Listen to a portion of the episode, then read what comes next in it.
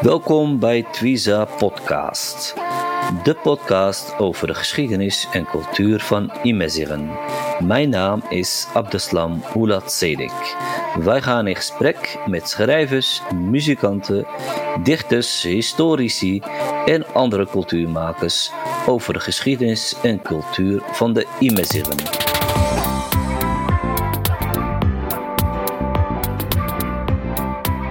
Goedemiddag, beste luisteraars. Welkom terug bij de Twiza Podcast. De podcast die diverse mensen interviewt over de geschiedenis en cultuur van de Imeziren, de oorspronkelijke bewoners van Noord-Afrika. Inmiddels zitten we bij aflevering 14. Uh, bedankt voor uh, jullie comments en ook voor het luisteren naar onze podcast. Vandaag hebben we een bijzondere man als gast. Uh, zoals ik altijd zeg, onze gasten zijn allemaal bijzonder, maar deze persoon is ook heel erg bijzonder. Uh, zijn naam is Herman Opdijn. Uh, Herman Opdijn is universitair hoofddocent migratiegeschiedenis en geschiedenis van Noord-Afrika aan de Universiteit Leiden. En hij gaat praten over het boek Geschiedenis van Marokko, maar voornamelijk over de reis van Charles Foucault door de binnenlanden van Marokko. Uh, dag uh, meneer Opdijn. Goedemiddag. Fijn dat u, uh, dat u bij onze podcast aanwezig kunt zijn.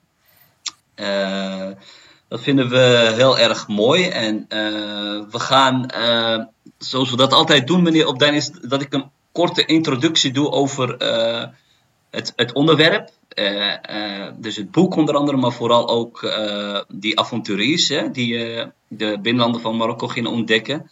En dan beginnen we met het gesprek. Oké. Ja. Herman Opdijn en de twee andere auteurs nemen ons mee op reis naar een land die in het uiterste westen ligt van Noord-Afrika. In geschiedenis van Marokko gaat het over de oude imeziren van het land, de komst van de verschillende oude rijken, de komst van de Arabieren, de verschillende dynastieën en natuurlijk nog veel meer. De auteurs schrijven over de verschillende eeuwen van dit gesloten en ooit zo machtig land. Het boek gaat over het huidige Marokko, over de nieuwe koning Mohammed, over de Arabische lente. Uh, en tenslotte lezen we ook nog iets over de Hirak-protestbeweging. We zullen ons in deze podcast vooral gaan focussen op de eerste Europeanen die de binnenlanden van Marokko proberen te ontdekken, al dan niet vermomd. We spreken met Herman over Charles Foucault en ongetwijfeld over nog een paar andere avonturiers. Herman zegt zelf dat het moeilijk is om over de geschiedenis van Marokko te schrijven. Immers simpelweg omdat er weinig tot geen geschreven bronnen zijn. Datgene dat er is, komt vaak van Europeanen en gaat voornamelijk over de Mechzen, ofwel de centrale overheid. Nogmaals, welkom meneer Opdijn. Ik ben er. Ja. ja.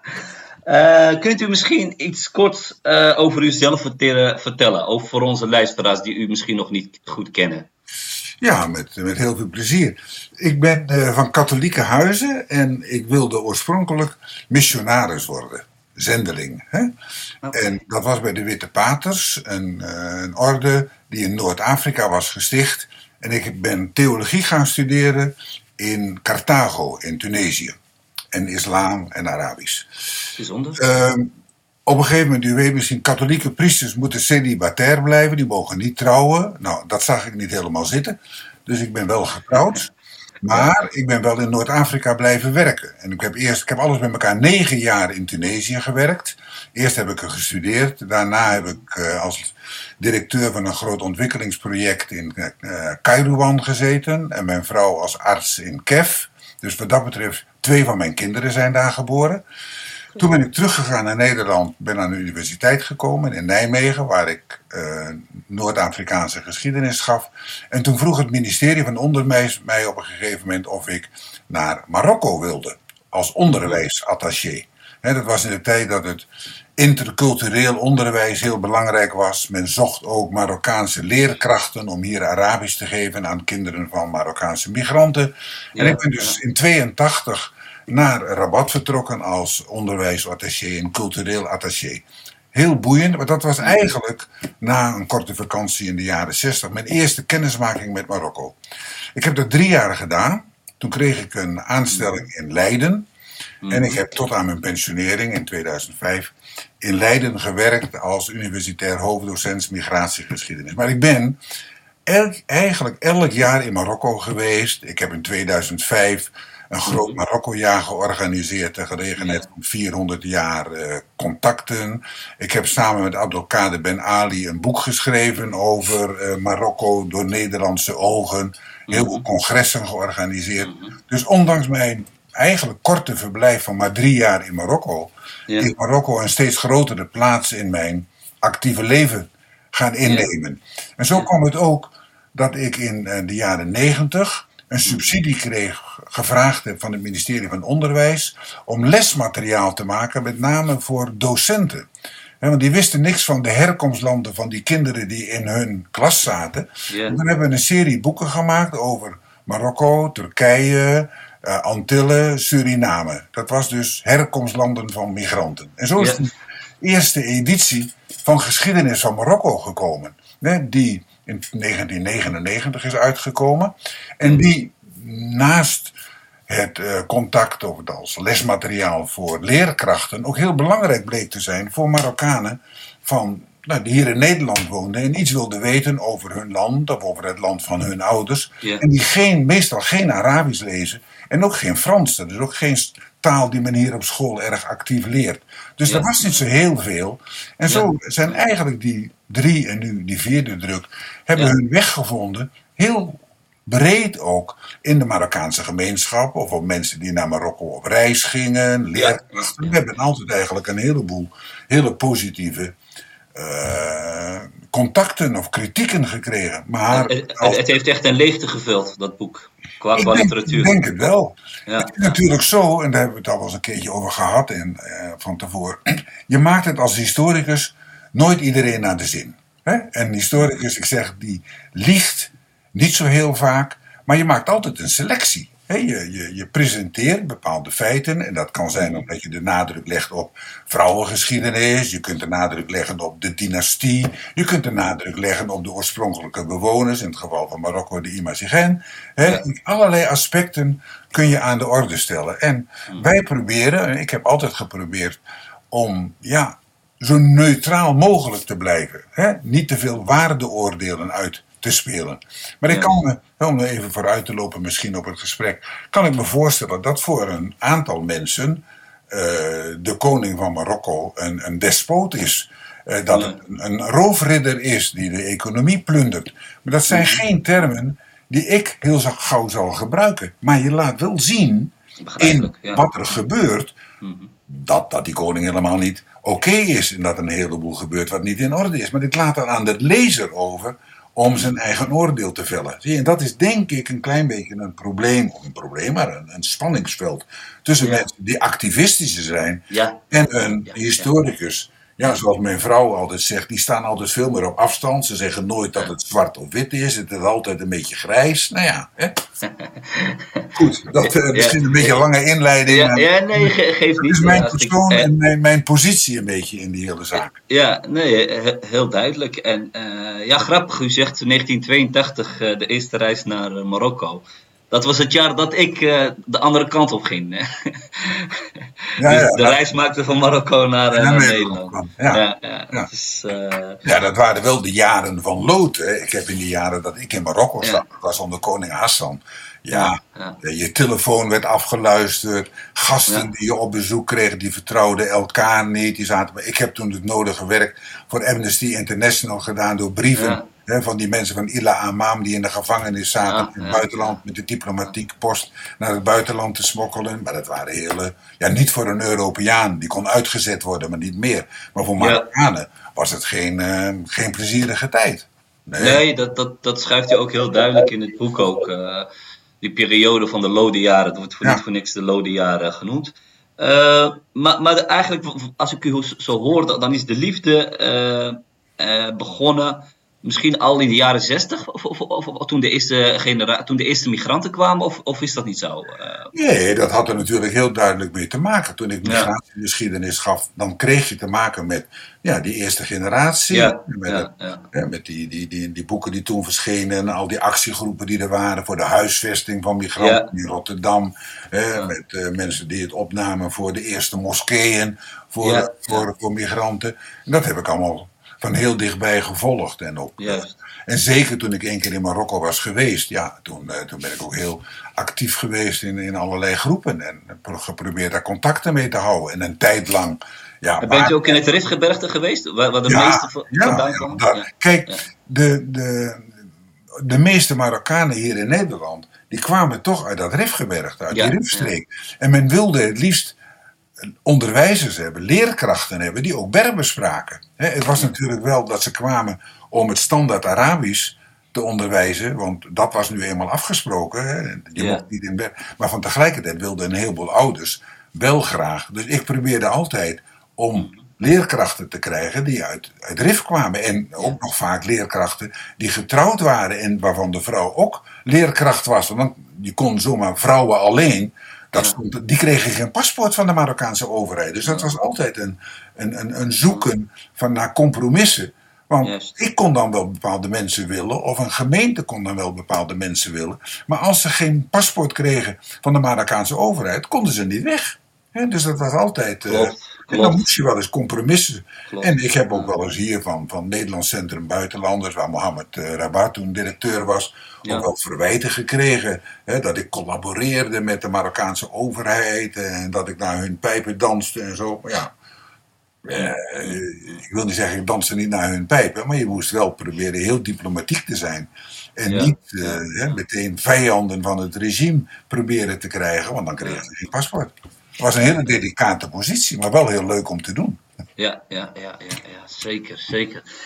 Um, nou ja, nu we toch zeg maar een beetje in die, in die periode zitten van de jaren 60 en, en ook uh, naar het boek toe gaan. We hebben elkaar voor, voor dit gesprek hebben elkaar even kort gesproken.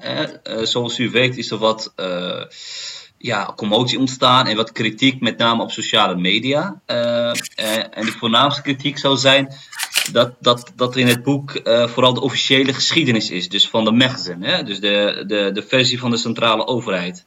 We weten natuurlijk allemaal dat objectieve geschiedschrijving, dat bestaat niet. En vooral als het gaat om de Hirak-beweging. En ja, wat we net, net zeiden, u weet dat de meeste Marokkanen in Nederland uit Trif komen. En dat, dat dit natuurlijk een heel gevoelig punt is, die hele Hirak-beweging die in 2016 is ontstaan. Uh, hoe kijkt u uh, hier tegenaan uh, bij het uitkomen van, van, van, de vierde druk? En begrijpt u deels deze kritiek?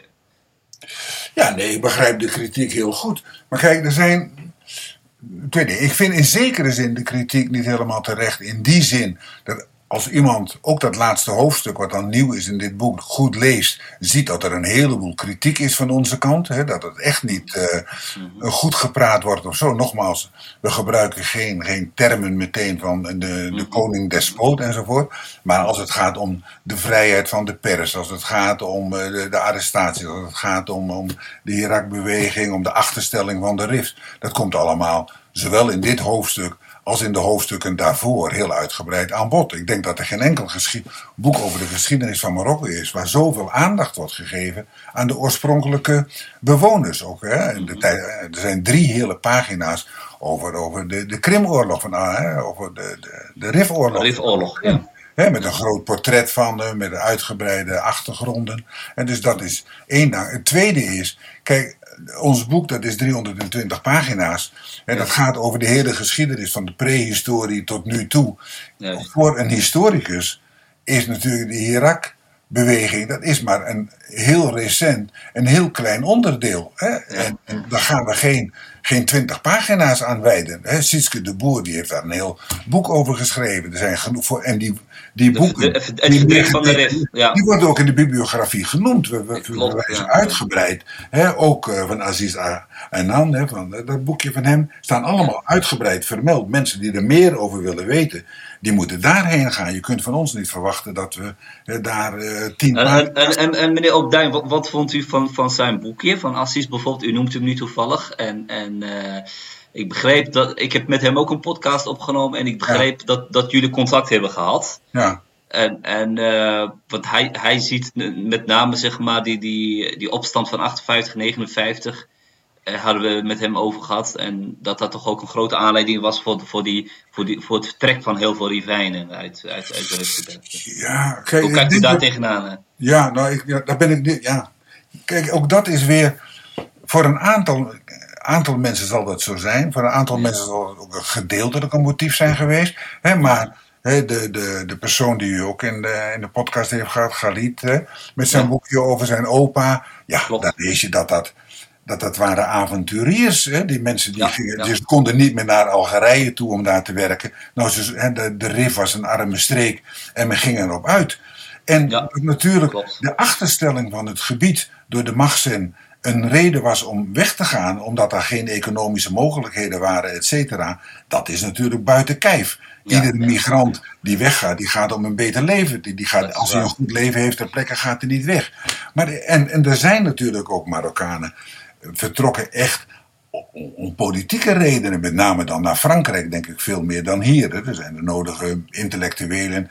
Maar ik, ik denk, en de, de ervaringen van mijn collega Paulo de Mas, en wat, er, eh, wat Nadia Bourras samen met, eh, met eh, dat, boek van de, de Marokkanen vertellen over die eerste generatie, daar komt het politieke motief eigenlijk niet zo heel veel aan de orde. En ik weet niet van u bent, hoe het met uw familie is gegaan. Was uw familie een, een- waren dat politieke vluchtelingen? Dan waren dat mensen die hun leven wilden verbeteren? En, en, en, en- Nee, nee, dat Gewoon waren een- geen eh, politieke vluchtelingen. Nee. En eh, dat is een goed punt wat u aangeeft, want eh, mijn vader wilde een beter leven. Ja. Maar wat, wat het wel is, meneer Opdijn, is dat het wel natuurlijk een soort collectieve wond is van, van die RIF. Hè? Dus die, die, die opstand die daar natuurlijk kaart werd onderdrukt. En dat beschrijft u ook in het boek.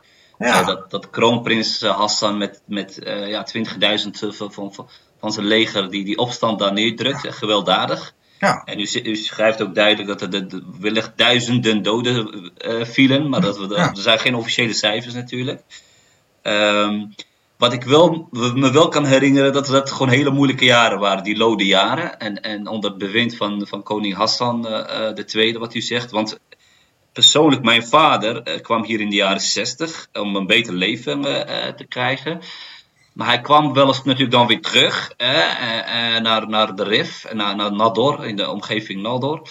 En dan, ehm, hij, hij heeft nog wel eens een keer een anekdote verteld, dat hij op een gegeven moment, het was, je, je kon niet over eh, Abdelkrim praten of, of negatief over koning Hassan, maar dat, dat beschreef u net ook, hè? dat het hele gevoelige onderwerpen waren.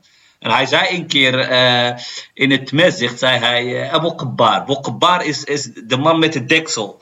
Eh, dus dus het, het jaar van 58 90 is, is ook het Kabaren. hè? Zo, zo stint het meszicht in het Rijnzee. Dus, Ja. dus het jaar van de dekselhelmen. Of, of, en, maar hij werd meegenomen, echt. dat hij vertelde, hij werd meegenomen naar het commissariaat.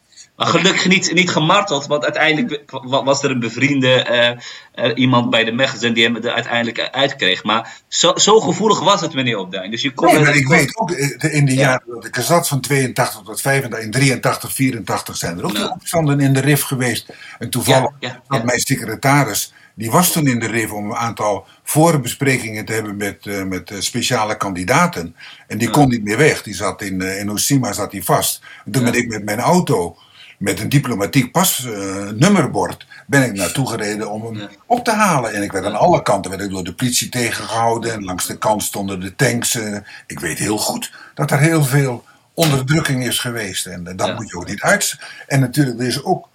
Er zijn eh, zeggen, een aantal leiders, zoals nu bijvoorbeeld Youssef Safi, die zijn opgepakt. Maar een heel groot gedeelte van de bevolking heeft natuurlijk altijd geleid onder het gebrek aan toekomstmogelijkheden voor de RIF. Zeker onder koning Hassan werd niks gedaan. Hè? Onder, onder Mohammed V is er dan nog die weg aangelegd hè? Van, van, van, eh, van Vest door de Rif heen. Hè? Dat, om, de, om Ja. de twee delen van het land met elkaar te verbinden. Maar daarna werd die hele Rif die werd verwaarloosd. En met allerlei, allerlei beloftes die gedaan. Maar dat staat ook heel duidelijk in ons boek. Dat wordt ook heel Ja, duidelijk ja. al aangegeven. Ja. En dat was natuurlijk een voorname reden voor bepaalde mensen om in opstand te komen. En voor een heleboel andere mensen om dan hun heil maar ergens anders te gaan zoeken. Ja, ja, ja, ja, ja. ja, nee, dat is ook zo. Maar dat, Eh, meneer, dat is in de geschiedenis van de RIF niet anders geweest. Hè? Als voorbereiding op dit gesprek heb ik nog een beetje zitten te kijken, zo in de literatuur enzovoort. En dan vind je, zo, zo, ook zo rond eh, 1880, 1900, vind je allerlei verhalen van zelfs eh, zo'n Charles de Foucault die dan al wel in de rest van Marokko kon doordringen, ook niet zonder gevaar. Maar ook Charles de Foucault, die vanuit Algerije kwam, die vermeed de RIF. Want ze zeiden, jongen, de RIF, ook al ben je vermomd als Jood, of wat, in de RIF dat is niet veilig. Dat, dat, dat, dat had een hele eigen gesloten gemeenschap. Dat had de, de had daar niks te vertellen. Ja. Buitenlanders hadden daar niks te vertellen. De Spanjaarden probeerden af en toe vanuit Melilla hun, hun grondgebied wat verder uit te breiden. Lukte nooit. De Rifijnen die stu- stuurden hen meteen weer terug. ja, ja. Dat, dat was een, een, een, een ongenaakbaar gebied. En toen, dat, toen ze onafhankelijk werden in 1956 en ze ineens vanuit Rabat allemaal istiklaal eh Is de partij, de eh, nationale partij. Ja. beleidsambtenaren kregen die Arabisch spraken, die uit Rabat kwamen, die, die, die van zichzelf dachten wij zijn de dingen in. Daar in de Rift daar woont een beetje een, een onderontwikkeld volk. Nou, dat daar de, de, tegen het opstand zijn gekomen. Een bekend verhaal, een anekdote. De eerste gouverneur die vanuit Rabat naar, eh, naar de Rif werd gestuurd, dat was een zwarte. Dat was eentje uit, uit, uit, eh, zeg maar uit, eh, uit Marrakesh. Hè? Ja, nou, dat werd meteen door de Rifijnen. En dan krijgen we daar een gouverneur in Rabat en het is ook nog een zwarte. Ja, Ja. dat moeten we niet. Wat denken ze wel van ons? Hè? Ja, ja, ja, ja. Zo ging dat. Ja, nee, dat klopt. Dat klopt. Dat, eh, er waren meerdere factoren die, die, die, die eh, uiteindelijk hebben geleid, geleid tot die migratie. eh. Het is een samenspel van geheel. Ja. En ik denk toch, kijk, de Rif was een relatief een overbevolkt gebied. Ja. En toen met de onafhankelijkheid, die smokkelhandel, de mogelijkheden Ja, ja, om in Algerije te gaan werken. Hè, de, de, ook in het begin met, met de, de kiefplantages die meer geregeld Ja, precies. werden. Dat waren allemaal bronnen van inkomsten. Dat één Galit ook, hè? Galit in, in zijn boek eh Ja, schrijft hij. Gast uit de Driftgebergte. Ik vond Ja. dat al- als bron van geschiedenis, van mondelinge geschiedenis, vond ik het boek van Galit fantastisch. Want je, ik denk Ja. dat je daar veel meer dan in het boek. Ik denk dat Aziz wel gelijk heeft, dat zijn familie dat zo heeft ervaren. Ja. Maar ik denk dat het gros van de, de Marokkanen hier in Nederland zich veel meer herkent in dat verhaal van Galit dan in het verhaal, in het verhaal van Aziz. Ja, uiteindelijk ging het natuurlijk ook op een specifiek gebied toen die hele opstand eh, Ja. uiteindelijk. Ja, ja, ja, dat was meer richting Al-Husima natuurlijk. Ja. Nee, helder. Eh, overigens eh, overigens is het ook mogelijk met uw toestemming om, om, ja, om die kritiek die er gegeven is, kunnen we uw, uw reacties ook bijvoorbeeld op de website zetten. Dan, dan kunnen mensen daar ook naar kijken. Want dat ging natuurlijk vooral om kritiek vanuit Arif Nieuws, hè, begreep ik. Ja, ja, ja, dat is het. Ja. Kijk, en die, waar nou een heleboel, wat, wat mij wel een beetje erg. Ik vind dat ze op een aantal punten wel wat gelijk hebben. Dat, eh, goed, dat, dat kun je zo stellen. Maar kijk, dat wij ons, dat de, de, de- ik, ben hè, degene die daar verantwoordelijk voor is voor een stukje, dat hij geschreven heeft dat eh, die moord op eh Mohsen Fikri, dat het 6 oktober was. Hè, en niet 28 oktober, dat is gewoon zo'n schrijffout. Iemand Ja. heeft het overgenomen. Ik heb het wel gelezen, maar ik, heb, ik wist wel dat het in oktober was. Maar of dat nou de 8 of de 26e was. Ja, ja. Ja, maar om daar dan alles aan op te gaan hangen en te zeggen van... oh, maar er staat vol onwaarheden, kijk maar hier. Dat is gewoon een, een, een ontstellende grote slordigheid. Meteen helemaal mee eens. Het zal bij de volgende druk natuurlijk, als die er komt, ook zeker veranderd worden. Maar om dat als voorbeeld te gaan geven, als bewijs van zie wel, het staat vol onwaarheden. Ja, dat vind ik toch een beetje, beetje erg sterk hoor. Een beetje over. Ja, ja, ja, ja. Ja, eh, klopt. Het, het is, eh, het is eh, een boek van heel veel pagina's, wat u zegt, van heel veel hoofdstukken. En, en eh, een, mens is een mens, eh, maakt af en toe ook een fout. En, eh, en eh, eh, ik zou zeggen, ja, laten mensen ook het boek vooral lezen en, en ontdekken Ja. erin wat, wat, ze, wat ze zelf kunnen ontdekken.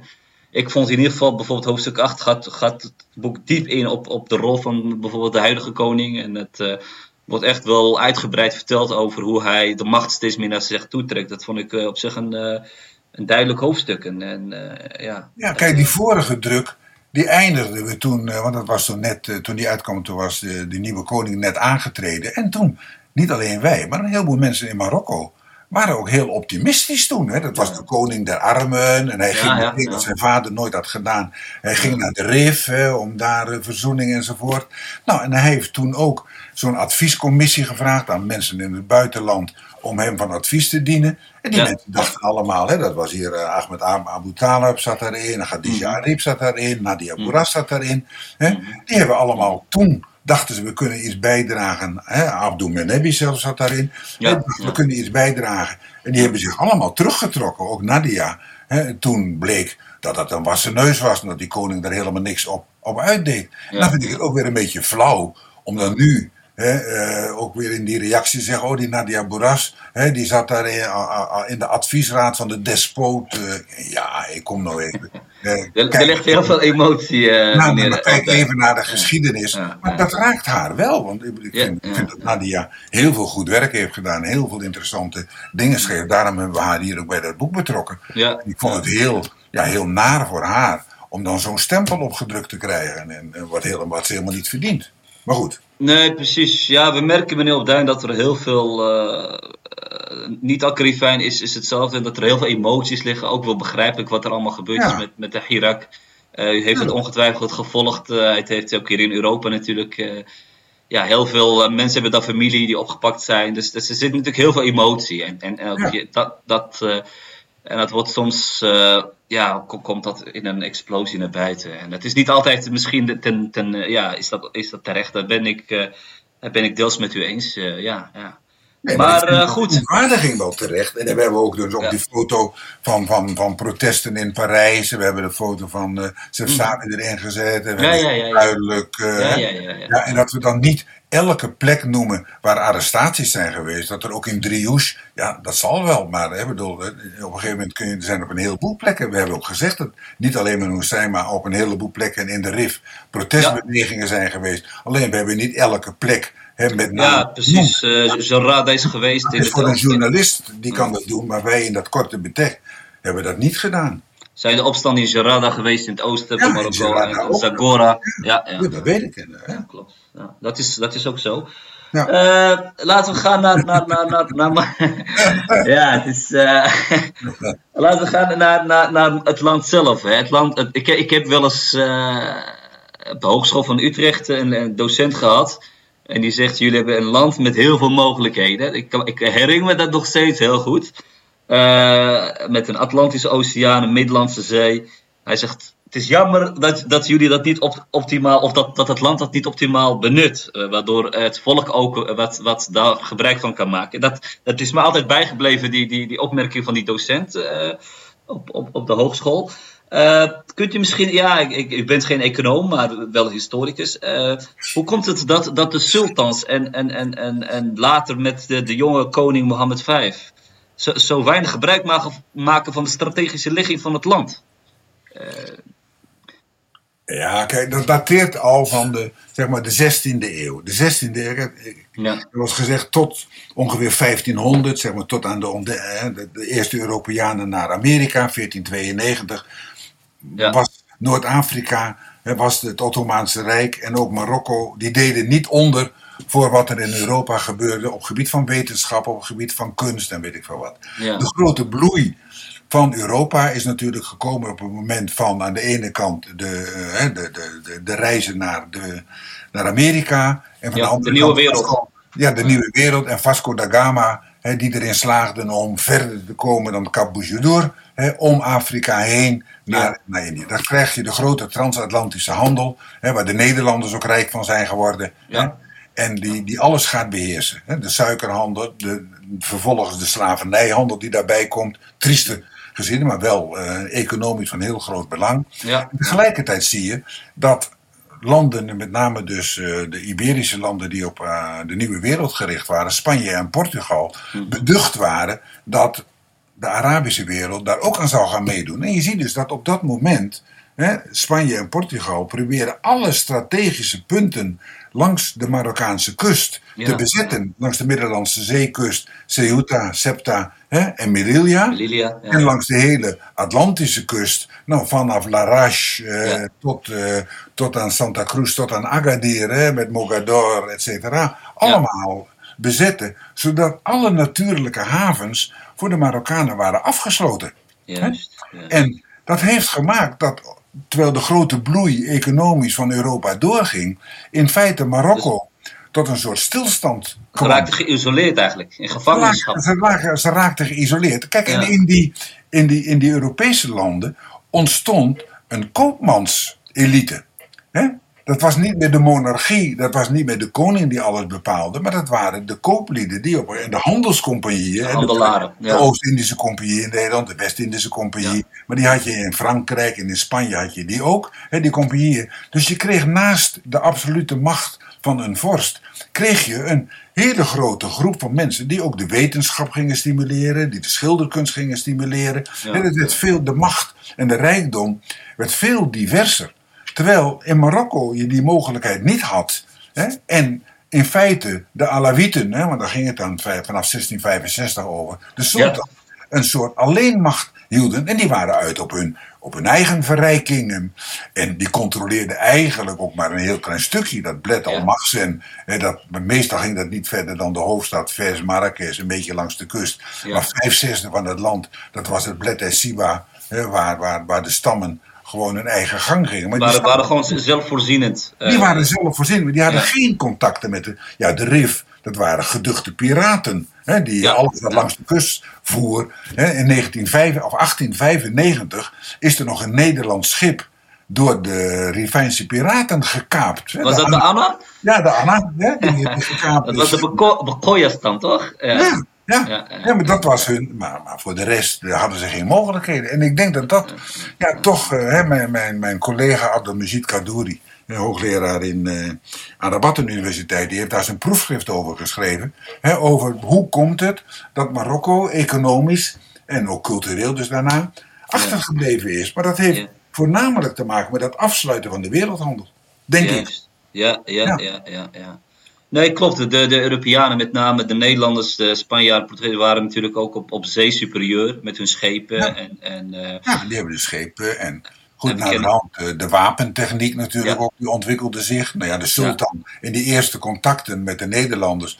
Wat, wat, wat de sultans altijd wilden, dat was licht wapentuig van, van, van Nederland. Hè. Eh, Lichte artillerie die je makkelijk kon verplaatsen en zo. Maar, maar het waren de, de, de, de, de corsairs, hè, de kapers, die dan Ja. in feite nog de, de zee bevoeren. Maar dat waren ook bijna allemaal mensen uit Spanje, uit, Ja. eh, Jan. Jansen, eh, Murat Reis en eh, die Ja. mensen, de Hornachos, de, de, de Ja. vluchtelingen uit, eh, die, die gingen in de kaapvaart. Maar het waren geen handelslui die gingen concurreren met de Spanjaarden of met de Nederlanders in de nieuwe wereld. Nee, die plunderden de schepen en Ja. haalden ook het rijkdom binnen. Ja, ja, ja, ja. ja, daar hebben we het met Abdelkader Banali ook nog over gehad. Over, ja, heel eh, boeiend. Ja, over. Jan Janszoon. Ja, uit ja. Haarlem. Uit Haarlem, ja, ja, ja. Ja. Een boeiende man was dat ook in die tijd. Nou ja, die is, hij is zijn leven geëindigd als gouverneur van eh, Walidia, hè, van de kasbah van Walidia. Ja, dat zijn dochter hem nog een keer gaan opzoeken. Papa, kom toch terug, hè, je krijgt Ja. alles wat je vergeven. Zei, nee jongen, ik zit hier mooi. Hè. Hij had ondertussen een mooie vrouw. Twee zoons trouwens, dat je weet, hè, die zijn naar Amerika, hè, naar de nieuwe ik- wereld. Heb ik gelezen, ja. Ja, dat ja. zijn de eerste moslims in, eh, in Noord-Amerika. Twee Oh, van. Nederland afkomst. Ja, ja bijzonder. Ja. heel bijzonder. Altijd al een, eh, altijd al een band met, met Marokko en Nederland geweest, eigenlijk. Ja, ja heel, eh, zeg maar in, zeker in de, in de 16e eeuw, Ja. de 17e eeuw liever gezegd, vanaf dat eh, verdrag, die eerste tijd, waren die contacten heel, eh heel innig. er, er was ook een gemeenschappelijke vijand, hè? Die waren Ja. de eerste die een, een verdrag durfden te sluiten met de sultan. Maar dat mocht eigenlijk niet met een, met een moslimvorst een, een officieel verdrag sluiten. Dat, was, dat, dat mocht niet van de paus. Dan mocht je van de paus. Ja. Ja. Wij waren protestant, we trokken zich niks van die paus aan. Je- dus zodoende, in 1610, het eerste, Euro- eerste Europese land wat een verdrag sloot met Marokko. Ja, ja, nee, klopt. Dat, dat, dat lees je ook in het boek, eh, inderdaad. eh, Ja, dat, eh, dat Marokko door Nederland... Nederlandse ogen. Boeien. Ik vind nog steeds dat ik met Abdelkader het boek heb gemaakt. Eigenlijk een ja, een heel leuk boek. Ja, ja, zeker, zeker. Ja, Abdelkader is ook wel eh, geïnteresseerd in de geschiedenis eh, van... van Ja, hij is mijn student geweest nog. eh, Ja. Ja, alleen kreeg hij toen succes met zijn boeken. En toen is hij met zijn geschiedenisstudie gestopt. Ja. Leuk, leuk verhaal. Ja. Uh, laten we het hebben, meneer Opdijn, met uw toestemming over de, de heer Foucault. Wie, wie, was deze man precies eigenlijk? nou, hij, hij, komt uit een hele rijke familie in Frankrijk. Hij is uh, 1843 of zo geloof ik geboren. Ja. Vroeg wees geworden. Hij had een hele grote erfenis. Ging dat een beetje ver, ver, verbrassen als student. Ja. Zijn grootvader stuurde hem toen naar de militaire academie, dat is Saint-Cyr. Daar is hij officier geworden. Daar uh, hing hij ook de beest uit. Uh, ja. al zijn geld, et cetera. En op een gegeven moment had hij daar genoeg van. Hij was een paar jaar hij was in Algerije gestationeerd geweest. Kreeg daar genoeg van en wilde die ontdekkingsreis. Hij is toen uit het leger gegaan. Okay. Hè, en zei van, nou, wat is nou een gebied wat dichtbij is? Marokko. Niks over bekend. Hè, tenminste, een heel klein stukje, ja. maar met al die verhalen die er van tevoren waren, hè, behalve van Leo Afrikanus, maar alle andere, dat waren reizen, ook van die Nederlanders, naar het Hof in Marrakesh of ja. naar het Hof in Ves. Ja. Michiel de Ruiter, iets verder in het binnenland. Langs de kust. Ja. Een heel groot gedeelte van het land was absoluut onbekend. En hij zei van, nou, ik, uh, ik wil dat gaan doen. Ja. Iedereen zei, dat kun je als Europeaan nooit doen. Je wordt meteen de nek omgedraaid. Dat, uh, maar je wordt gezien als een spion en weet ik veel wat allemaal. En je moet niet vergeten, Marokko was toen toch, we praten nu zeg maar over na 1850. Hè? Marokko was heel bang geworden van de Franse bezetting van Algiers. Hè? Ja, had 1830 hadden ze Algerije bezet, de dij aan de kant gezet. En in ja. Marokko waren ze, nou die Fransen die wilden wel natuurlijk. Ze hadden natuurlijk al, al oorlog, ze hadden nog ja. oorlog uh, gevoerd tegen Marokko. natuurlijk, ja, 1840, er waren al pogingen geweest. 1880 hadden ze Tunesië bezet. Dus in Marokko ja, waren als de dood zo bang van, van Franse spionnen die daar zouden komen. Dus je kon er echt niet gaan zeggen van, ik ga nou eens leuk door Marokko reizen. en de, ja, nou, vermomd, ja, wat vermomd als wat? Je kunt ook wel als moslim gaan, hè, of wel als jood. Dat waren de twee bevolkingsgroepen op dat moment. Ja. Nou, als moslim zou je heel gauw door de mand vallen. Hè, want voor als je als christen je als moslim moet gaan gedragen, ja, dan moet je wel eerst heel lang geoefend hebben. Hè, ja, en, ja, uh, heel lang in en de, de taal een beetje kennen. De talen kennen. Dus hij heeft gekozen voor, uh, voor Jood zijn. Ja. En heeft een, een, uh, een Joodse rabbijn in, in Algiers gewonnen die goed Arabisch sprak. En die ook heel veel kennissen had in, in, in, in Marokko. Want tussen de Joden in Algiers en de Joden in Marokko waren heel intensieve handelscontacten wel. Hè. Dat, dat kenden elkaar, dat had een relatie met elkaar.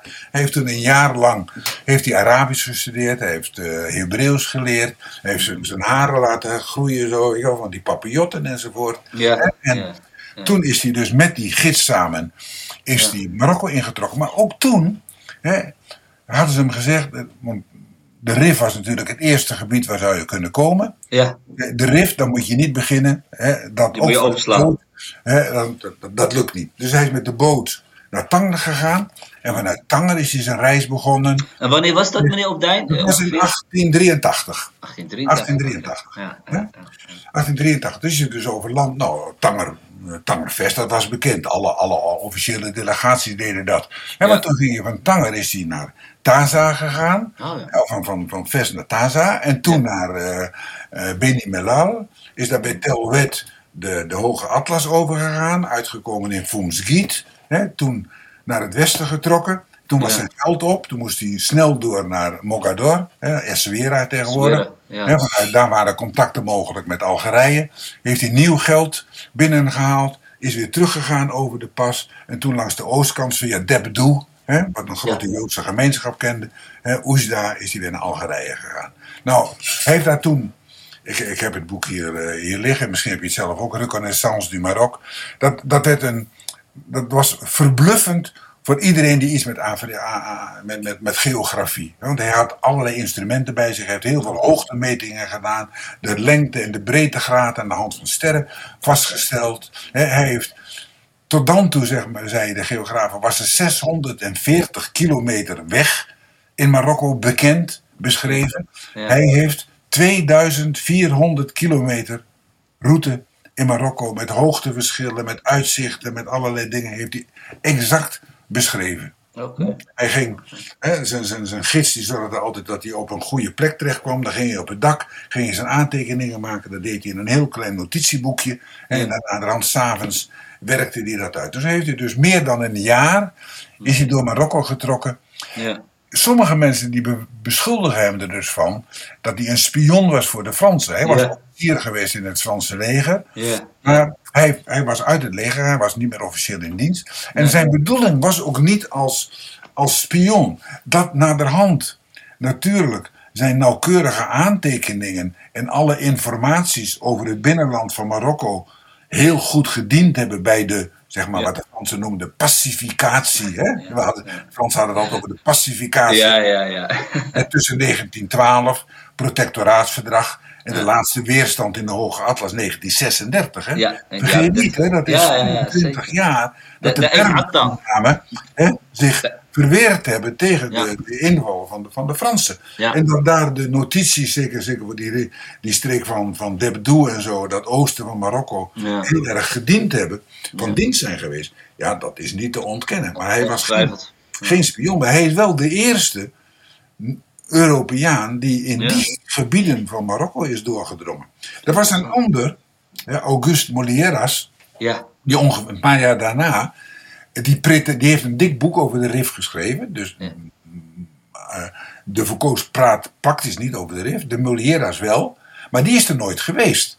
Die zat in Oran Ja. aan de universiteit en die hoorde al die handelslui, die Joden die uit de, de RIF kwamen, die wel contacten, die hoorden die uit, dat noteerde die allemaal. En dat heeft hij in een dik boek beschreven en toen net gedaan alsof hij daar zelf was geweest. Maar hij was zelf nooit in de RIF geweest. Nee, nee. Maar het is wel ook een bron, met name dan antropologisch, over alle, alle stammen, et cetera, Ja, over, ja, over ja. de RIF. Maar de RIF, dat blijft een, een, een- ja, en god, dat is het altijd gebleven. De, de Spanjaarden in de tijd van het protectoraat, hè, die, wat hebben ze ontwikkeld? Ja, de westelijke kant, hè, tot en met Sjouwen. Ja, ja, was internationaal, dat was het gebied. Ja. Dat was niet eens een, in, de Fra- in de Spaanse tijd was er niet eens een geasfalteerde weg van Sjouwen naar Husima. Het was gewoon alleen maar een piste. Het- de contacten die ze hadden, dat was dan via eh Hosima, hè, eh, Villa Sanceneros en dan Melilla. Dat waren de twee steunpunten voor de Fransen. Maar het binnenland, Ja, daar, eh, hè, Abdel Krim die heeft zich niet voor niks daartegen verzet. En na de rand hebben de Spanjaarden daar eigenlijk ook niet veel durven te doen. Zijn er ook niet gaan koloniseren. Alleen die mijn, hè, waar, waar Galit het dan over heeft, Ja. hè, die mijnbouw. Dat was het enige waar de Spanjaarden nog een beetje in geïnteresseerd waren.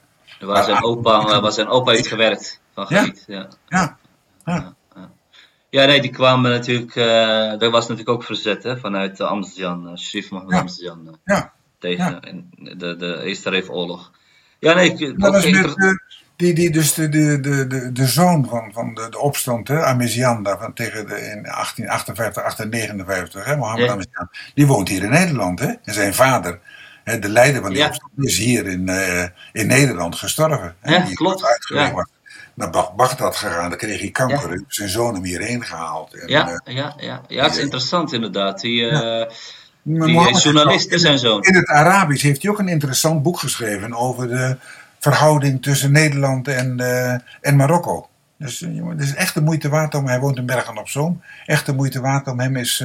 Ja, dankjewel. Ja, hij, hij- is wel een, eh, iemand die ik ook op een lijstje heb staan hoor. Ja. Hij heeft meerdere boeken geschreven, hè? eh, over, ook over de geschiedenis. En, eh, ja, iets over de geschiedenis. Hij wilde met een proefschip bij mij bezig zijn, maar ja, hij moest ook zijn brood verdienen. En hij heeft Ja, een ja, tijd bij de Wereldomroep gewerkt, bij de Arabische afdeling van de Wereldomroep. Maar hij was heel actief, want in Bergen op Zoom dat is, en Roosendaal, daar zat een hele actieve, oh, er zit nog steeds een hele actieve eh, actiegroep hè, van, van, eh van Rifijnen. Die, eh, Ja, ja, Ja. ja, ja. Ja, klopt. Ja, ja. Nee, dat is Dat zo. Dat is een interessante man om ook uit te nodigen, zeker. Eh, ja. En ja, hij, hij heeft dat in, in- die, die Foucault heeft dat vooral kunnen doen omdat hij zich echt als Jood had, had, eh, had vermomd. hè. Dus, dus die, die rol van die Joden was, is altijd heel belangrijk geweest hè, in Marokko. Ja, gewoon die, die hele. Kijk, de- op het moment van de onafhankelijkheid. eh, hè, toen, toen woonden er iets van 300, 350.000 Joden Ja. in Marokko. En dat was voor een groot gedeelte een hele eh, geassimileerde groep. Hè. Je had, zoals je misschien weet, je had eigenlijk twee groepen. Hè. Je had de groep die al sinds mensenheugenis, waarschijnlijk al sinds de Babylonische gevangenschap met de Feniciërs Ja. mee is gekomen naar Marokko. En zich overal, en die ook volledig geberberiseerd waren. Hè. Dat zeg je zeker in de, in de Soes, had je hele grote groepen eh, Joden die gewoon helemaal Berber spraken. Die in bepaalde beroepen zaten. En je hebt dan een groep Joden meer cultureel, die eh, hè, door, door Spanje zijn uitgedreven Ja. toen eh, naar de, eh, Na de de, de val van Granada. En die zich in de steden, hè, in Tetuan enzovoort, hebben, hebben genesteld. Maar die hebben ja, hele grote bijdragen geleverd aan de, de, aan, de, aan de Marokkaanse cultuur. Kijk, nu zijn er helaas,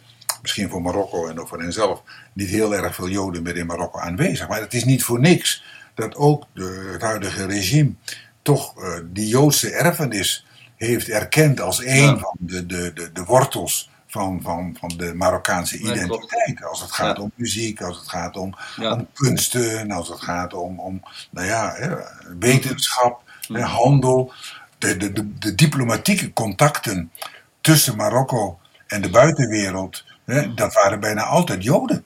De, de, de Marokkaanse gezanten die hier naar, naar Nederland kwamen, bijna de Toledano's en de Palas en zo, dat waren allemaal Joodse families die sommige van hun, hun, hun leden die zaten in Italië, anderen die zaten in Frankrijk. Ze hadden overal ook al meteen een netwerk wat ze konden gebruiken. Zelfs, zelfs onder de, de huidige koning of, de, of, de, of zijn vader was het Azolai natuurlijk ook. Ja, die is, ja, die is nog steeds, eh, was onder de vorige koning, is nog steeds de economische adviseur. Ja, ja. Die heeft heel veel gedaan om in ieder geval zijn, zijn geboortestad Essaouira, hè, om daar weer heel veel hè, Joodse erfenis en cultuurgoed weer in ere te herstellen. hè. Ja, ja. Je hebt dan ook een hele grote graaf. eh, ik ben er wel eens geweest. Ook een hele grote begrafenis van, van Joodse mensen. Nee, ja, dat Maar ik ben eh, een aantal jaren geleden ook eens in Debdoe geweest. Hè? Dat, dat was ook zo'n Joods centrum waar je Ja, bijna niet kunt komen. Dan moet je vanuit Oesda zo naar beneden en daar, daar eindigt de weg. Hè, Maar het is heel, dat, er waren wel tien, tien synagoges die daar eh, waren. Dat was een hele grote eh, Joodse Ja. gemeenschap die daar die weer heel erg contact had met, met Algerije, met de Joden in Oran en in, Al- Ja, ja, in Tlemcen. hè. ja, inderdaad. Heel ja, je had ze ook zelfs in de RIF. Eh, multiculturele. Marokko was wat dat betreft heel rijk in, in zijn contacten en in zijn, zijn cultuur. Hè. De, Marokko Ja. heeft er ook heel lang grote, grote invloed gehad op het Iberisch Schiereiland. Hè. De Almohaden en Almoraviden, eh, nou, ja, die, ja. die regeerden tot aan, tot aan Toledo, tot aan de, tot aan de Taag. Hè. Dat, dat, dat was allemaal deel van het grote, grote Marokkaanse Rijk, van, van de Marokkaanse sultans. In ons boek, in mijn boek, gaan we, gaan we daar niet zo heel erg veel in op die, op die Spaanse, Spaanse deel van die Marokkaanse Het wordt wel genoemd en je ziet het ook aan die kaartjes en zo. Ja. Maar ja, dat, dat, daar zit een, een rijkdom aan geschiedenis. Maar de ellende is dat, dat, dat er aan Marokkaanse kant zo weinig bewaard is gebleven. Kijk, Ja. historici, tot voor kort, wilden altijd geschreven bronnen hebben. Hè? Je, kon, je kon eigenlijk geen geschiedenis schrijven als je geen geschreven bronnen had. De rest was archeologie of weet ik veel wat, Ja. antropologie. Pas, pas sinds kort beginnen historici ook oog te krijgen voor niet geschreven bronnen. Maar het, het verhaal gaat dat aan het hof van de sultan er een speciale functionaris was die de correspondentie vanuit Nederland of vanuit Spanje, als hij bij de sultan kwam, na lezing moest vernietigen. Want dat kwam van de ongelovigen. Ja, Dat mocht niet bewaard blijven. Dus ook brieven van de sultan, Ja. die hebben we hier in het Rijksarchief, die hebben we hier in de bibliotheek van Leiden. Maar er is niks van over aan de Marokkaanse kant, pas in de 19e eeuw. Het enige wat je van Marokkaanse kant altijd had, dat zijn stukken die van, van, van belang waren voor erfenis, voor grondbezit. Ja. Daar, eh, dat werd genoteerd, hè, erfenis natuurlijk, bezit, dat moest omschreven worden. Daar, daar Ja, kun je een stuk economische geschiedenis uit Ja, afleiden. ja, ja. ja, het geeft terecht aan eh, ook dat er weinig geschreven bronnen zijn. Hè? Ook, ook vooral eh, in, in, de, in de binnenlanden, hè? dus uh, Ja. Zoals dat heet. Ja. Maar er is wel steeds meer, dus wat u zegt, er is steeds meer aandacht voor de oral history. Dus die, eh, die eh, mondelinge. eh, Ja, kijk, dat, boekje van, dat boek van, van Galit, dat is natuurlijk een prachtig voorbeeld van oral history. Ja, om te zien, hè, dat, die verhalen van zijn grootvader, hoe dat ging met die Spanjaarden, hoe dat ging in de mijn. Dat vind je in, in de documenten nauwelijks terug, want zelfs die archieven van die mijn die zijn nauwelijks bewaard gebleven. Maar zo'n getuigenis van zo'n man, hè, dat, dat is natuurlijk een, een wonderbaarlijk stukje oral history. Zeker. Het is, het is echt een doodzonde, meneer Opdijn, dat na die, nadat die kolonisatoren teruggingen, dus Spanje, Frankrijk en met name Spanje, dat, dat, dat niet bewaard is gebleven. Die, die, die hele archief, wat u zegt. Dat is wel heel erg zonde. Maar ja, zelfs kijk, in, misschien ook bij jouw familie, heel lang correspondeerde die eerste Marokkaanse migranten die, die, die, die correspondeerden met cassettebandjes hè, op, over de weg Maar er zijn maar weinig families, hè, want Nadia die heeft daar wel onderzoek naar gedaan. Er zijn bijna geen families die nog van die cassettebandjes hebben bewaard. Dat zou toch heel belangrijk kunnen zijn om, wat waren hun eerste ervaringen hier? Hoe ging dat? Uh, ja, ja, ja. Hoe welkom waren ze? Wat dachten ze van die Nederlanders? Uh, ja, ja, ja. Uh, we benaderen een beetje zo het einde, meneer Opdijn. wat, wat, hoe denkt u dat. wat, wat, vindt u, wat vindt u zelf het meest interessant dat u heeft ontdekt over het land Marokko gedurende uw tijd als hoogleraar aan de Universiteit van Leiden? Wat, wat, wat, wat kunt u daar iets over zeggen? Ja, nou, ik vind, wat, wat, wat ik net al eigenlijk een beetje aanduidde, is wat, het, het, multiculturele aspect van, van, van Marokko. De grote rijkdom hè, in, in personen, in, in, in, in cultuur. Hè, dus daar hebben we het over, zeg maar. De Imagigenen, de Arabieren, de Joden. De rand dat er aan christelijke invloed is gekomen. En dat ook nog gecombineerd met die ontstellende verscheidenheid in geografisch opzicht. Middellandse Zee, Atlantische kust, uh, de, de, de, woestijn met zijn, uh, met zijn oases. Die, die, die, die twee elementen, de, de, de menselijke eh, variatie en de geografische variatie, die maakt dat Marokko een, een, een, een potentieel heeft, een, een rijkdom heeft. En dat heb ik eigenlijk Terwijl ik daar zat en in de jaren dat ik me verder met die geschiedenis heb bezig gehouden. Ik heb heel Marokko heb ik bezocht. Ik ben drie jaar geleden ben ik met de auto nog een keer naar Marokko gegaan. Toen waren we in Tanger aangekomen. Ja. Ben ik van Tanger helemaal langs de Middellandse zeekust naar Oesda gegaan. Helemaal langs de Algerijnse grens naar Figik.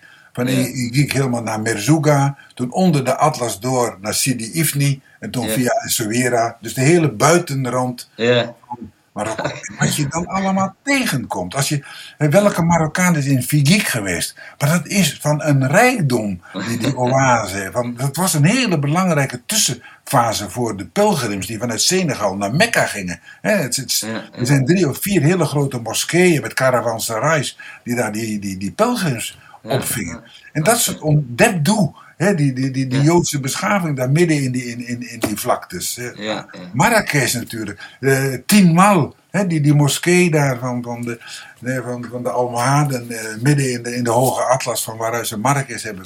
Die, die, nou, nou, je, raakt niet uitgekeken. ik word een beetje emotioneel. Maar je, je, raakt niet uitgekeken op de rijkdom hè, in allerlei, alle opzichten, zowel menselijk als, als, als kunstzinnig als geografisch qua natuur van Marokko. Dat, dat, dat, ik, ik zeg. En ik heb ook wel vaak van mensen gehoord, en ook van vrienden, die heel veel over de wereld hadden gereisd. En die zeiden, ja, Mexico of Thailand of Indonesië, allemaal in India. Allemaal hele mooie dingen zo in de wereld. Maar als geheel kennen we geen mooier land, geen rijker land dan Marokko. Hartstikke mooi. ja, maar dat is zo. Ja, het is, het is, het is een prachtig land, uh, absoluut. Uh, ik, ik heb, uh, kom er ook, als het kan, graag. graag. En, ja, het heeft, het heeft alles. alleen soms is er weinig perspectief voor de jongeren. Daar hebben we het natuurlijk over gehad. dat, dat doet pijn. Dat, dat, dat ze hun kansen en hun perspectieven niet in hun eigen land kunnen, kunnen ontplooien. En dat ze toch in de bootjes gaan. En dat zie je natuurlijk de laatste tijd ook weer heel veel. Eh, de, de, de, de jongeren die het, eh, het, land verlaten vanwege weinig perspectief. En daar kom ik op, op een van mijn laatste vragen. Waar denkt u dat Marokko zal zijn over tien jaar? Uh, heeft u ja. enige een beetje... Nou, kijk, historisch houden zich met het verleden bezig en niet met de toekomst. Ja, ja. Kijk, um, ik had het vanmiddag met een, een, een collega over. Te vergeleken ik even. Ik heb laatst een lezing gehouden over de, de Maghreb, de ontwikkelingen de laatste jaren in de hele Maghreb. En als je dan Tunesië, waar ik ook veel vrienden nog heb, en Marokko met elkaar vergelijkt, dan zeg ik: Tunesië, er is wat meer vrijheid. Maar economisch gezien zit het nog veel meer aan de grond. Marokko heeft ook in economisch opzicht een heel groot potentieel. Ja. met, met, met het tangermet, met, uh, met, met toerisme, ja. met, met uh, allerlei initiatieven. Alleen de ellende is dat op het ogenblik die rijkdom, die ontwikkeling bij een kleine groep mensen terechtkomt. Ja, maar als dat beter verdeeld gaat worden, Ja. hè, dan, dan heeft Marokko op zich best heel veel. Denk aan al die, al die zonne-energie. Hè? Wat, wat, wat, wat, wat in die Sahara, wat je daar aan elektriciteit kunt opwekken. En dan met, gewoon met een kabel naar Europa. Dan hoeven hier niet al die windmolens te gebruiken. Maar Marokko zou een leverancier, de, de nieuwe, zeggen, in plaats van de, van de olie, de stroom kunnen leveren aan, aan, eh, aan Europa. Dus, Ja. Ja, dus ik denk wat dat betreft, Ja. als, als die kringen rond de macht zijn, hè, mhm. Eh, op een gegeven moment gaan inzien, want jongens, zo kunnen we het zelf niet houden. Zo worden we weggevaagd op een gegeven moment door een revolutie. Ja. We moeten socialer gaan denken, we moeten meer gaan delen. Ja. Dat er best wel toekomst in. Want de, zeg maar, het, Ja. het, het bruto nationaal product van Marokko groeit niet zo hard als vroeger in China. Maar dat gaat behoorlijk omhoog. Alleen nogmaals, het komt bij een hele kleine groep Ja, terecht. ja, ja, ja. En als die verdeling beter kan worden, als dat afgedwongen kan worden, zonder een revolutie. Want een revolutie, wie? De salafisten? Het leger? Hm? Daar zit Ja. wachten om. om. Is een heel. Ook, We hebben natuurlijk, eh, we hebben natuurlijk de Arabische lente gehad, eh, meneer Opdijn. Eh, dat is ook, het is ook allemaal heel veel ellende natuurlijk. Als je kijkt naar landen als Libië en, en Ja. eh, Egypte. eh. maar ik, denk, ik denk dat, u dat, heel goed, eh, dat jullie dat heel goed beschrijven in het boek ook. Die, die- dat, dat dat helemaal krom is, die hele verdeling van de rijkdom. En dat dat bij de elite eh, terechtkomt. Dat wordt echt heel goed beschreven. En, Maar het einde, in de, in de allerlaatste paragraaf hè, van mijn laatste hoofdstuk, moet je maar nog maar even nalezen. Ja. Daar, daar, ja, daar, daar, daar spreken we ook die hoop uit in ieder geval. Zeggen, als er toekomst is voor. Marokko, dan moet dat zijn in een betere verdeling van de welvaart die er is. Want er is mogelijkheid. Maar Marokko heeft heel veel potentie. Veel meer dan, dan, eh, ja, dan, ja. dan Tunesië, veel meer dan Libië, veel meer dan Algerije, wat heel erg alleen maar op die olie zit. Marokko Ja. is veel diverser. Hè? En als ze dat weten te exploiteren, als die koning. Hè? Maar het regime omverwerpen, ja, van mij mag het. Maar of daar dan iets beters van komt, dat vraag ik mij af. Nee, je, je, je hoopt dat er op een gegeven moment. eh, kijk, an- anders gaan we van opstand naar opstand. Want dat, dat kenmerkt Ja. natuurlijk ook Marokko. eh, u, u beschrijft dat ook in de jaren 70, begin jaren 80. En eh, de, de, de 20 februari beweging en toen de Hirak. En ga zo maar door. Dan ga je natuurlijk van de ene opstand naar de andere. Dus er moeten echt geen cosmetische veranderingen. Het moeten echt een, werkelijke veranderingen zijn. Ja. Kijk, als je te veel van die opstanden hebt, dan krijg je ook dat buitenlandse investeerders, Europa enzovoort, ook geen vertrouwen hebben in Marokko. En dan zeggen ze, je moet toch een bepaalde mate van stabiliteit hebben. Wil je, zo'n elektriciteitscentrale, dat, dat, dat vraagt. Dat, dat gaat pas over tien jaar terugverdiend worden. Dat, dat vraagt hele hoge investeringen. En in een, in een land als Libië, of zelfs zoals in Algerije op het ogenblik, Ja. daar gaan buitenlandse investeerders geen miljarden in investeren. Die willen Klopt. een bepaalde zekerheid van rust. Ja, en als die, die stabiliteit van dat koningshuis, hè, met toch een hele grote aanhang nog onder de gewone bevolking, met een bepaald prestige, Ja. ja, is een. Ja, de, de, de, de, de, woede van het. Ik zeg het ja. is het minst slechte. Ik, in Nee. mijn is het het minst slechte. Nee, wat krijg je ervoor terug hè, als je het omverwerpt inderdaad, wat u al aangeeft. Maar ik denk dat de woede van het volk zich vooral recht op, op natuurlijk die elite, de corruptie. Ja, Eh, bekende uitspraak, hè, meneer Opdijn, eh, Bak Sahbi, eh, jouw vader is mijn vriend, die, die kent elke Marokkaan, hè, dus, Ja. dus het netwerk en de, de Ja, baantjes die verdeeld worden. Dat, dat steekt heel veel mensen. We hopen dat daar, dat daar veranderingen in gaan komen voor, voor, het, voor dat prachtige land. Ja. En dat de jeugd en de jongeren ook eh, meer perspectief krijgen. En niet, eh, ja, niet alleen maar denken aan, eh, aan het oversteken naar, naar, naar Spanje, wat, wat natuurlijk heel moeilijk is geworden tegenwoordig. Maar ik denk dat een kritische houding van de Marokkaanse gemeenschap in het buitenland, hè, dat, dat kritisch blijven, Oh ja. niet alleen maar met, met, met slogans, met, met, met, met een aantal kreten, hè, maar ook, ook constructief opbouwen, maar wel op, op de echte goede plekken de, de, de, de, de vinger leggen. ja. Dat de Marokkaanse overheid daar toch wel gevoelig voor is. Ze zijn Ja, wel gevoelig ja. van wat er over hen wordt gedacht. En die huidige minister van Buitenlandse Zaken, ja, ja, ja. Dat is wel een hele erge diehard, hè, die Borita. Maar eh, er zijn ook al ook wel, wel, wel gematigde mensen in die regering die Ja. anders willen, denk ik. En die moet je proberen te sturen. Nee, zeker. Eh, Marokko is altijd bang voor, voor het imago. En ook eh, natuurlijk gewoon de harde val- valuta die binnenstroomt vanuit de diaspora is, is, een, is een groot, ja, is een grote issue. Uh, ja, nou ja, ik denk dat het een mooi gesprek is geweest. ik, ik, wil u, ik wil u hartelijk danken voor, voor dit uurtje. En um, ja, en de mensen moeten het boek gewoon vooral gaan, gaan kopen en, en lezen. Uh, om om, ja, om iets, iets meer inzichten te krijgen in die hele geschiedenis. Het is een immens grote geschiedenis. Um, en ja, nogmaals bedankt meneer Opdijn. Wilt u nog echt iets, iets toevoegen, nog ergens op terugkomen? Of. Nee, nou ja, kijk, wat je, wat je zelf, daar ben ik heel dankbaar voor wat je zegt. Je moet het, het geheel zien. Hè? Als op het moment, als je een klein onderdeeltje, dan kun je daar best kritiek op hebben. Maar een van de kritieken die ik las op internet was bijvoorbeeld dat we niks zeiden, zouden zeg, gezegd hebben over de collaboratie van de Alawieten met het protectoraat. Oh. Dat is gewoon niet waar. Als er, eh, er zijn drie pagina's in het begin van het protectoraat waar we heel duidelijk laten zien hoe de Fransen langzaam maar zeker de macht van de sultan uitkleden en hoe ze steeds meer eigen, eigen mensen aanstelden. En dat pas met het Tahir Berber, hè, met het Berber-decreet 1930, dat de sultan Mohammed V daar een, een, een leidende rol gaat spelen bij de onafhankelijkheid. Ik denk Mhm. En dat is natuurlijk, u bent zelf ook historicus, begrijp ik. Eh, historici, die, die willen ook altijd... Amateur, amateurhistoricus. Nou ja, maar die willen een grotere verband zien. Kijk, een, een journalist, een activist, iemand van een partij, die heeft neiging om zich te, fo te focussen op één concreet uh, geval van, van, van nalatigheid of van nou, Ja. daar hebben ze gelijk in. Maar tegelijkertijd moet je niet vergeten om het in een geheel kader te plaatsen. en ja, Met, ons, met, met dat boek, dat gaat van, van, van de pre-islamitische tijd tot vijf, maanden geleden. Ja, proberen we een beeld te schetsen daarin. En dat dat laatste, de vorige editie eindigde heel optimistisch. Dan hebben we die mhm. Arabische lente. Mhm. En nu hebben we gezegd van Arabische lente naar Arabische herfst.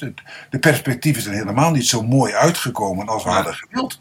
Ja, Klopt, dat, dat, dat, dat, dat schrijven jullie ook. Dat, dat Marokko on, uh, onderaan de rijtjes uh, bungelt als het gaat om mensenrechten of, of journalisten die opgepakt worden. Dus dat, dat wordt ook allemaal goed beschreven, vind ik. En, uh, en je, wat het ook is, meneer Opdijn, je zal altijd kritiek hebben wat je ook schrijft. iedereen kan natuurlijk, is vrij om, om ook zelf te gaan schrijven. Wij nodigen ook mensen uit. gelukkig hebben we er steeds meer van. Uh, Aziz Aynan, Benali, Benzakour, uh, meerdere schrijvers, opkomende schrijvers, Khalid Mourir, die toch steeds meer dit soort verhalen gaan, gaan, gaan schrijven. dus ook dus de mensen zelf waar het om gaat, dat die ook gaan schrijven. Daar hebben we in het verleden heel weinig van gehad. we zijn blij met Sietke de Boer, die, die toch ook vanuit haar vakgebied ja, Hele, ja, toch een autoriteit is en ook hele, hele ja, goede nou, maar die, die, die, kan zich juist permitteren om heel erg te focussen op een detail. Die heeft natuurlijk met het boek Jaren van Lood, hè, van, die, van die familie, dat uh, goed beschreven. Nu over de, de RIF. Ik, ik denk, ik ken Sietske heel goed, we hebben heel veel samengewerkt. Ik denk zo dat dat complementair is, dat de mensen die ja, er meer boven zweven, zoals die historici die misschien dan niet zo veel oordelen uitspreken, en, en, en Sietske die dan meer journalistiek bezig is en de, de vinger op de zere plek kan leggen. Ja, dat, dat is verschil, denk ik. Uh... Fijn, en die hebben we juist in de bibliografie hebben dat proberen te stimuleren. Zeg, lees ook die andere dingen hè, voor mensen die meer willen weten. Nee, dat is ook een verschil. Een, een, historicus kijkt meer vanuit de academische, uh, feitelijke kant. En, en, ja, mijn vrouw zegt altijd van, Herman, je moet je niet wagen, je moet niet verder gaan dan, dan 50 jaar geleden. Alles daarna en de Fransen doen dat ook. Hè? Franse historici die zeggen: alles wat van de laatste 50 jaar is, dat is politicologie. Dat is geen geschiedenis meer. Ja, ja. Franse geschiedschrijvers die houden op zo met, met de Tweede Wereldoorlog of zo. Ja, precies. Ja, 50. De rest dat zijn sociologen of politicologen. En een historicus die zich gaat bezighouden met de laatste zes maanden. Met zo'n opstand in Irak die gaat zijn boekje te buiten. Zijn competentie ja, te buiten. nou ja. Ja, ja. ja, dat is een goede. We hebben het geprobeerd. dat is een goede kanttekening. Uh, ja, nee, zeker. Uh, absoluut. Uh, ja, nogmaals dank, meneer Opdijn. En we danken de, de luisteraars voor, voor, voor het luisteren. opnieuw zal er een mooi gedicht worden gereciteerd door Hamid Boesdra, onze dichter uit Utrecht. En uh, laat ook een waardering achter op, op iTunes bijvoorbeeld. Als jullie uh, de uitzendingen waarderen van Twiza Podcast. En deel het zoveel mogelijk. Nogmaals ook bedankt aan alle donateurs die ons eh, hebben geholpen met onze campagne. Om wat geld in te zamelen voor deze podcast. Hartelijk dank en tot de volgende keer. Dag mensen. Graag gedaan. Drie mensen nog niet. عزيزي حدو الساعة عبد المبيني مزوران السيها ثون قيمت شنا ذي قبانين تيرا أغيس يتخرص من دماغ أور نتا تما تزدو قيم وما نرعنا صار. ذا مزروي الدار نمر بداهم صحيح سواها الشندي مزيانان في حجان سان الجين تجار القراون